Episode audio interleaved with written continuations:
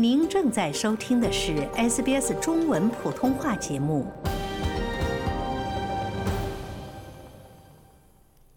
近日，澳大利亚联邦政府释放出信号，表示希望降低对中国留学生的依赖，同时为大学里的外籍学生开通更便捷的永久居留渠道。中国一直是澳大利亚国际学生群体的主要来源国。然而，澳大利亚教育部长杰森·克莱尔发布的《澳大利亚大学协议》最终报告也暗示，澳大利亚需要减少对中国的依赖。经过一年的酝酿，《大学协议》为高等教育在满足技能需求方面的作用描绘了一幅长达数十年的蓝图。根据该计划，到2050年，至少80%的劳动力应该拥有职业教育与培训或大学学历，而目前这一比例仅为60%。为了实现这一目标，入学人数必须包括代表性不足的学生，包括来自外郊区、偏远地区、社会经济地位较低的社区和原住民社区的学生。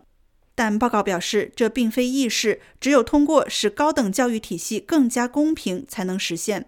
对此，教育部长杰森·克莱尔说：“At the moment, almost.” 二三十岁的年轻人中，差不多有一半拥有大学学位，但不是在这里，不是在悉尼外郊区，也不是在我们的偏远地区。而大学协议会改变这种状况。二零二二年，国际学生占澳大利亚所有入学人数的四分之一以上，有四十五万名外国学生直接支付学费。这些国际学生的学费占大学全部资金的五分之一，并构成了澳大利亚第四大出口产业——教育，仅次于铁矿石、煤炭和天然气。将近三分之二的国际学生来自亚洲，其中中国、印度、尼泊尔、越南和印度尼西亚位居前列。与可以推迟支付学费的本地学生不同，国际学生需要预付学费，这为大学带来了丰厚的收入。根据最新发布的大学协议最终报告，政府正考虑通过成立一个高等教育委员会来多元化留学生来源，减少对少数几个国家留学生的依赖，并寻求新的市场机会。报告当中特别提到了印度这个人口众多的国家，被认为是一个潜在的重点留学生来源地。报告称，虽然中国仍然是澳大利亚主要的双向贸易伙伴和单一最大的国际学生来源国，但印度现在是世界上人口最多的国家，拥有世界上最大的青年人口，这为澳大利亚带来了巨大的机遇。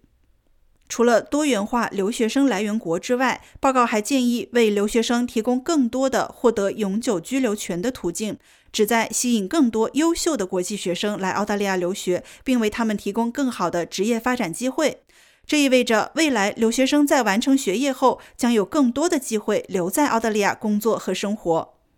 报告建议那些寻求获得公民身份途径的国际学生学习相关的课程，以便毕业后在技能短缺的领域找到工作，并避免过度拥挤的大城市。报告称，一些国际学生寻求移民途径。根据澳大利亚政府的移民战略目标及建立一个更具针对性的系统，高等教育部门应该鼓励这些学生学习与澳大利亚技能短缺相关的课程，并在偏远地区地点学习。报告还强调了国际学生需要更好的移民机会和积极的就业结果。在2022至23年度，有创纪录的51.8万名永久和长期居民迁入澳大利亚，其中包括国际学生和技术移民。2022年，将近三分之一的澳大利亚人出生在海外。澳大利亚特别依赖海外移民来维持劳动年龄人口的数量。预计到二零六二至六三财年，六十五岁及以上人口将占全国人口的百分之二十三点四。不过，虽然包括国际学生在内的更多移民增加了劳动力供应，但也增加了对住房的需求，导致租金和房价上涨。CoreLogic 的数据显示，截至二零二四年一月份的上一年当中，首府城市的房价中位数上涨了百分之十一，达到了九十四万四千两百二十九澳元。而偏远地区的房价上涨了百分之四点七，达到六十二万一千三百零一澳元。喜欢、分享、评论，欢迎您在 Facebook 上关注 SBS 普通话页面。